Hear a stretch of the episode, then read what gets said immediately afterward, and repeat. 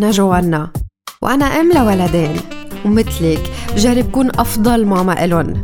ولأن اثنيناتنا بنعرف إنه هالشي مش دايما سهل.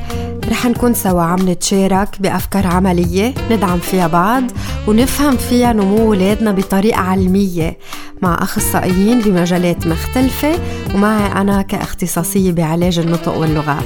والأهم رح نكون واقعيين بأحاديثنا مش مثاليين. إذا بتوافقيني إنه الأمومة صعبة يلا صبي قهوتك وأهلا وسهلا فيكي ببرنامج ببساطة ماما.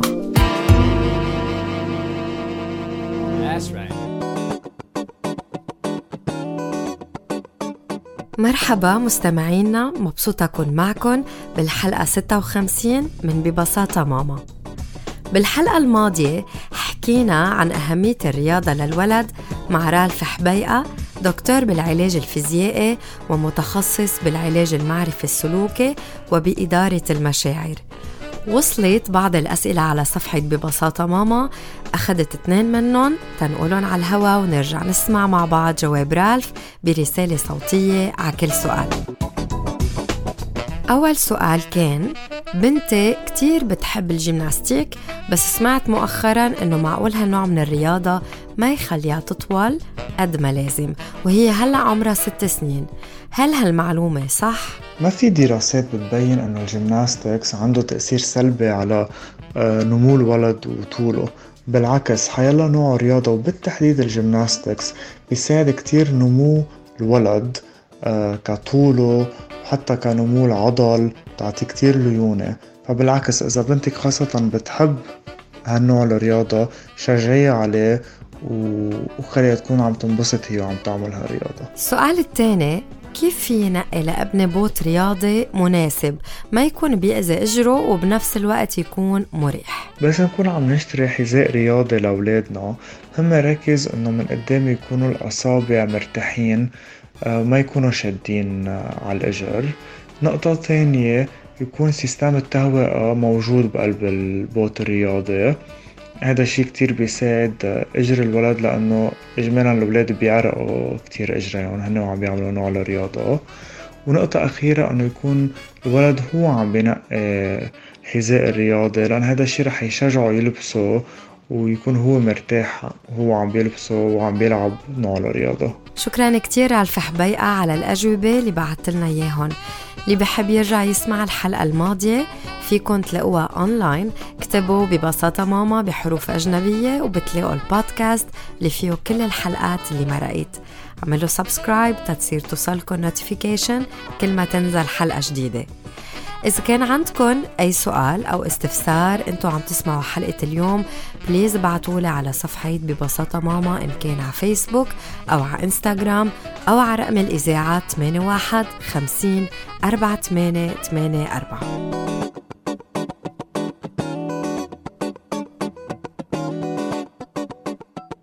جزء من روتين ولادي الصباحي هو إنه بيشربوا حليب. مع إنه بعرف إنه فيهم ياخذوا الكالسيوم من غير مصادر ومش بس من الحليب بس بركي لأن ولادي بحبوه ولأن بحبوا يشاركوني أنا وعم بعملهم إياه. بين إنه ينقوا بأي كباية بدهم يشربوا ويرجعوا يحطوا ملاعق الحليب هن وعم بيعدوا كم ملعقة. وبعدين بيسكبوا شوية مي بيخلطوه بيرجعوا بيزيدوا باقي المي تيشربوا كل كبايتهم. أكيد مرات ما بيكون عبالهم مرات بيشربوا بس نصه ما بجبرهم يكفوه. خاصة أنه جاي الجبنة واللبنة وغيرهم كمان بنهارهم هل الحليب مكون أساسي بغذاء الولد؟ موضوع حلقتنا لليوم مع أخصائية التغذية يوانا حسين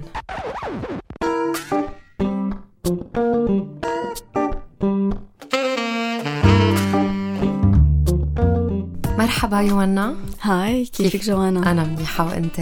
تمام تمام ماشي الحال اليوم أنت معنا لأن عم نحكي عن موضوع كتير مهم بركي هو أول شي بفتح عيونه عليه الولد واللي هو الحليب ورح بلش من هون ليش نعطي الحليب للولد؟ ليش هو مهم للولد؟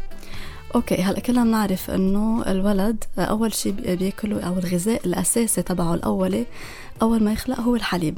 تحديدا حليب الأم ولما بيكون في حالات استثنائية أكيد في حليب الفورمولا يلي بيستعمله الولد. هيدا السبب الأساسي لأنه معدته بتبقى صغيرة وبعد ما اكتملت فهيدا الحليب هو أنسب شيء للمعدة. هلا بعد عمر السن سنتين ما بيعود هو الأساسي بصير هو جزء من التغذية تبعه وبصير عنده اكلات تانيين هن الأهم فأول سنة سنتين من حياة الولد أكيد الحليب هو الأهم وتحديدا حليب الأم طيب من بعد هيدا الفترة آه، تقريبا بعد عمر السنة نحن كأهل فينا نكون عم نبلش نفوت حليب البقر للولد صح؟ من بعد السنة بنقدر نفوت حليب البقر صح؟ بس مش هذا هو الأهم أو هذا شيء إلزامي. إنه بعد السنة نكون عم عم نفوت حليب تحديدا حليب. فينا نفوت أجبان ألبان. آه وفي كتير أشياء تانية بنحكي عنها بعد شوي. بتحتوي على الكالسيوم وعلى مواد بتشبه أو مواد غذائية موجودة بالحليب بس كمان موجودة بغير مغذيات. والولد بعد عمر الست شهور ببلش ياكل. أكيد بيكون الأكل تدريجي. على عمر السنة بصير بياكل بيقدر ياكل كل شيء تقريبا. يعني حتى العسل والأشياء التانية اللي ما كان يقدر ياكلها قبل السنة. فتقريبا صار قادر ياخد كل المغذيات من الحليب ومن غير الحليب. فالحليب من بعد السنة منو إلزامي. يعني أنا مثلا ابني فطمته على السنة وبعد السنة ما عاد أخذ حليب لا فورمولا ولا حليب بقر. بياخد أجبان وألبان وهذا يعني كافي للكالسيوم للفوسفور للفيتامين بي 12 ولا غيره من الفيتامينات الموجودة بالحليب.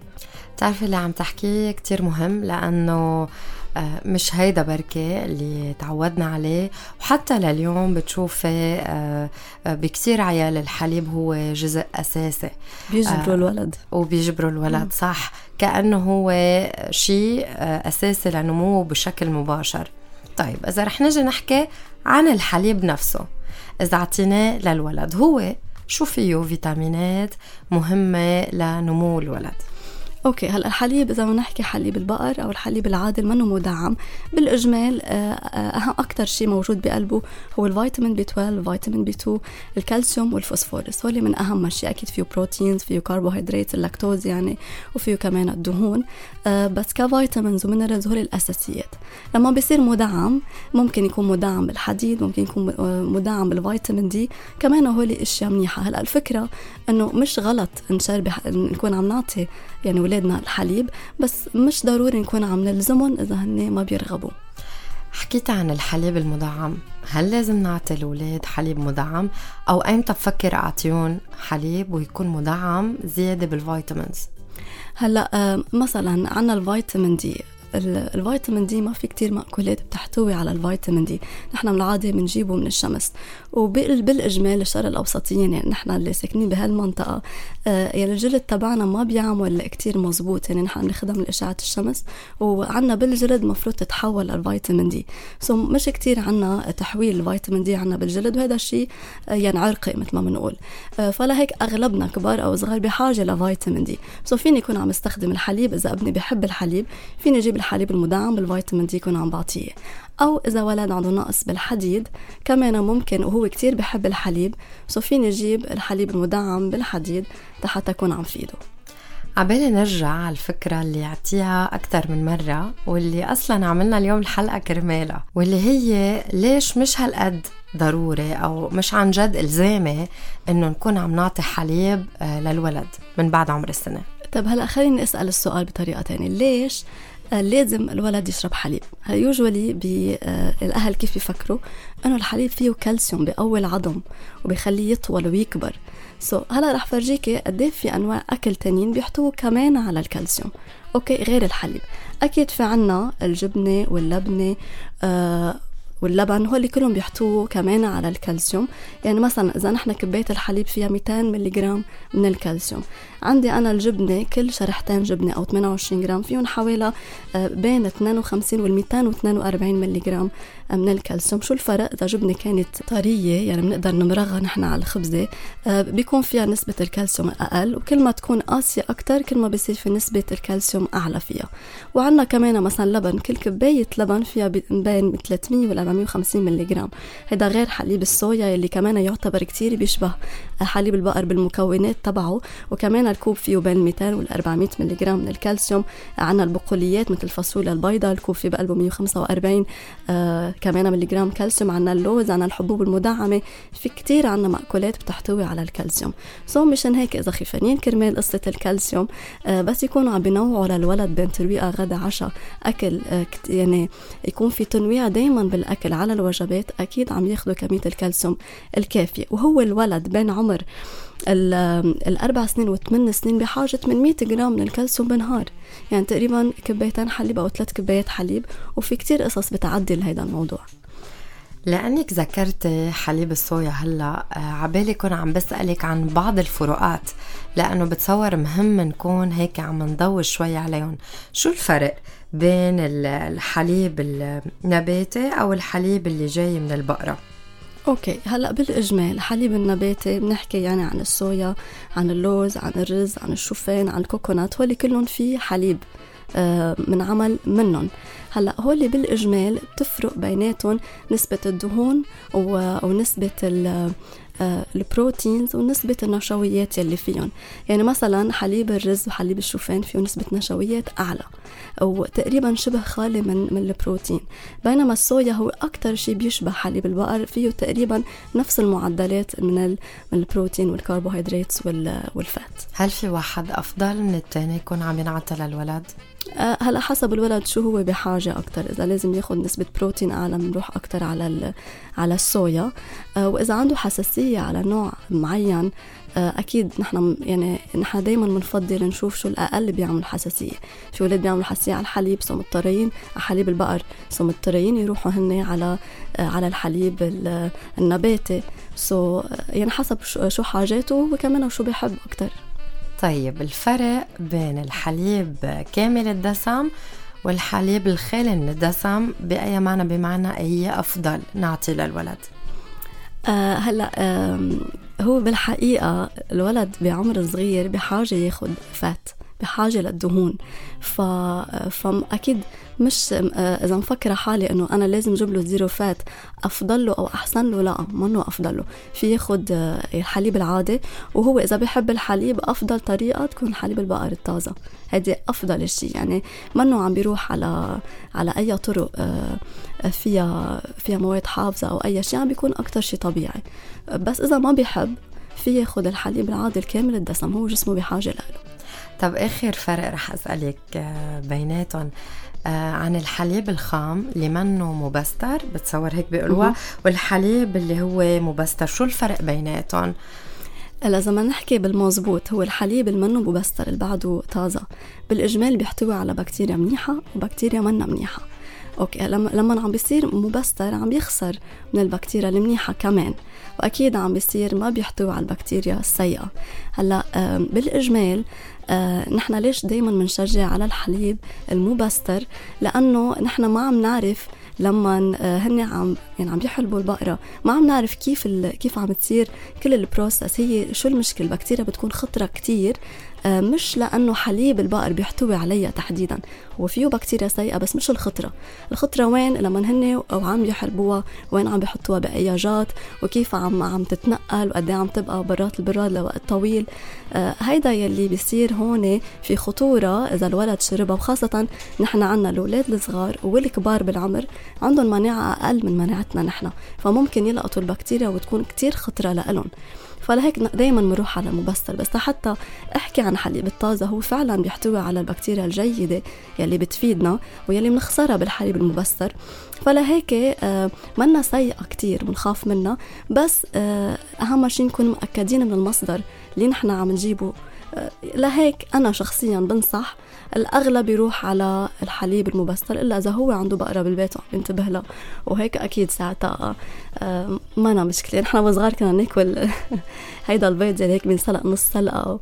بس إنه هول كانوا من عنا من يعني من الدجاجات تبعنا. بتعرفي من so وين إيه. وبتعرفي الدجاج شو أكلة وكل 100% وحتى كنا عم نتعرض لخطر الإصابة. هذا الحق على الماما أكيد أنا وائله علاء كيف بنعرف إنه جسم الولد ما بيتقبل الحليب؟ لأنه ذكرت قبل شوي مرات بيكون عنده حساسية على الحليب آه، أو معقولة جسمه يرفضه. كيف بعرف هالشي؟ كيف لازم أنا كأم انتبه لحتى أتفادى الحليب وأي بتصور منتوجات بتحتوي عليه؟ مزبوط. هلا بالإجمال آه، حليب البقر ممكن يكون في عنا نوعين من المشاكل عليه. وحدة اسمها لاكتوز انتولرنس وأكيد الثاني اسمها ميلك الرجي هلأ لاكتوز انتولرنس هي بيكون مش حساسية هلأ دائما بس نقول حساسية لازم يكون في طفرة بالجلد شيء مبين ظاهري. لما نقول ميلك ألرجي حساسية على الحليب عنده مشكلة بالبروتين تبع الحليب يلي هو عم بيطلع له طفرة وأكيد بيعمل له مشكلة بالجهاز الهضمي. وحتى كمان آه، ممكن يعني يصير في عنده ضيق نفس وإذا كان آه، كتير خطر عليه ممكن يضطر يروح على مستشفى إذا الحساسية كتير عالية. بينما آه، الولد بس يكون عنده لاكتوز انتولرنس بيكون عنده بس مشكلة بالمعدة. يعني ممكن يعمل نفخة مع وجع بالبطن مع دياريه وبيكون في عنده غازات بس ما بيطلع له طفرة. فهون إذا الولد كل ما عم يشرب حليب عم يصير عنده وحدة من هالعوارض أكيد لما تروح عند الحكيم وهو يلي آه، بشخص الحالة. وأكيد هون ساعتها المفروض يروح على أنواع تانية آه، من المأكولات اللي بتحتوي على كالسيوم. يوانا كتير كتير غنية كل الأفكار اللي حكيناها اليوم ومهمين. طب إذا بدك تتركي منهم ثلاث أفكار مع مستمعينا شو بيكونوا؟ أوكي ثلاث أفكار تحديدا. أول فكرة إنه هو الطفل آه، ما آه، بيحتاج لحليب لحد عمر السنة سنتين. من بعدها هو الخيار له إذا بيشرب الحليب آه، أو ما بيشرب الحليب ياخذ الأشياء اللي بتشبهه. الشغلة الثانية ما تجبر ولدك ياخد الحليب. أوكي هي أهم شغلة لأنه بصير بيكره بصير عنده يعني بصير بيكره نوع معين من الأكل وهذا الشيء منه محبذ عند الولد. الشغلة الثالثة الحليب الغير مبستر من المفضل إنه ما نستخدمه آه، لأولادنا أو للأشخاص الكبار بالعمر. آه، قدر الإمكان حتى لو كان عنا نحن عم نهتم فيهم يعني نحاول بس يوصلوا لعمر يعني فوق من تسع سنين بتكون معدتهم صارت أحسن بتصير مناعتهم أفضل نقدر نكون عم نعطيهم الحليب إذا نحن مأكدين من نظافتها شكرا كثير لك يوانا على حلقة اليوم. ثانك يو لك وهلا رح نكفي بباقي فقرات الحلقة.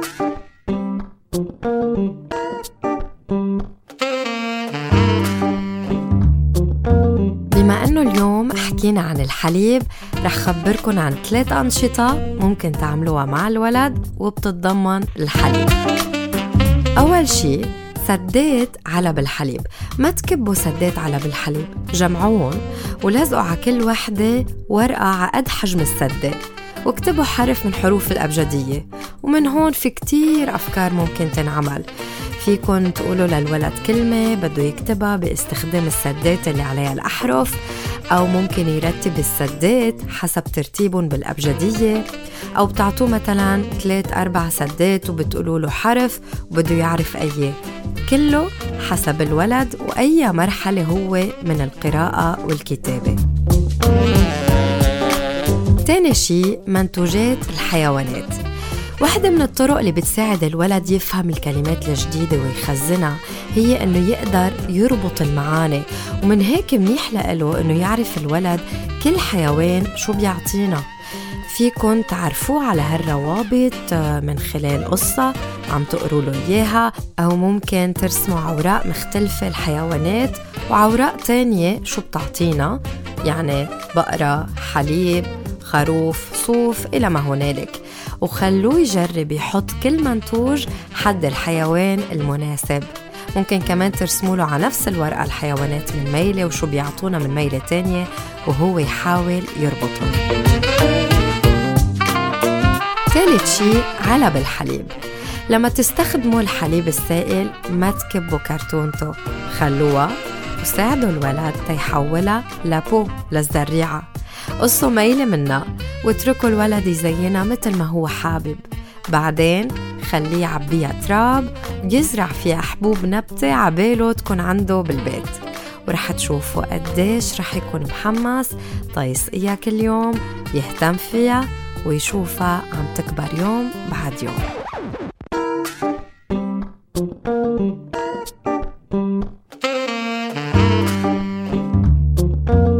في مقولة بتقول لما توقع كباية الحليب على الأرض وتطلع عليكم عيون صغيرة هي وناطرة ردة فعلكن. تذكروا الشي المهم عن جد. بدها خمس دقايق تتنظفوا الحليب المسكوب بس بدها وقت أطول تتنظفوا قلب مكسور. بس شفت هالمقولة حسيت لازم أقولها. لأن لما نحكي عن الحليب ما فينا ما نتذكر كم مرة ومرة واقع الكباية هن وولادنا عم بيشربوها وقديش هاللحظة فيها تحمل تعصيب خاصة إذا كنا بعدنا شي منظفين أو مستعجلين تنمشي من البيت. بس قديش مهم إنه ننتبه على ردة فعلنا وتأثيرها الكبير على أولادنا وناخد بلحظتها الموقف الأهم اللي ما بيأذي أولادنا. وهيك منكون وصلنا لنهاية الحلقة. من كل شي حكيناه جربوا بلشوا بتطبيق شي واحد لأن التغيير اللي عن جد في دوم هو عبارة عن خطوات بسيطة واضحة بتاخدوها بحياتكم اليومية. إذا عندكم أسئلة أو أي استفسار ممكن تتواصلوا معي على رقم الإذاعة 8150 4884 أو تبعتوا لي رسالة على صفحة ببساطة ماما إن كان على فيسبوك أو على إنستغرام. شكرا إنه انضميتوا لبرنامج ببساطة ماما. هون على الراديو على ال Be Light FM 105.7 أو على البودكاست اللي متوفر على كل الأماكن اللي بتسمعوا عليها البودكاست اللي أنتم متابعينهم. بتمنى لكم أسبوع مليان أكل صحي لإلكن ولولادكن نرجع بنلتقى الثلاثة اللي جاية على ال Be Light FM 105.7 على الساعة 11 الصبح.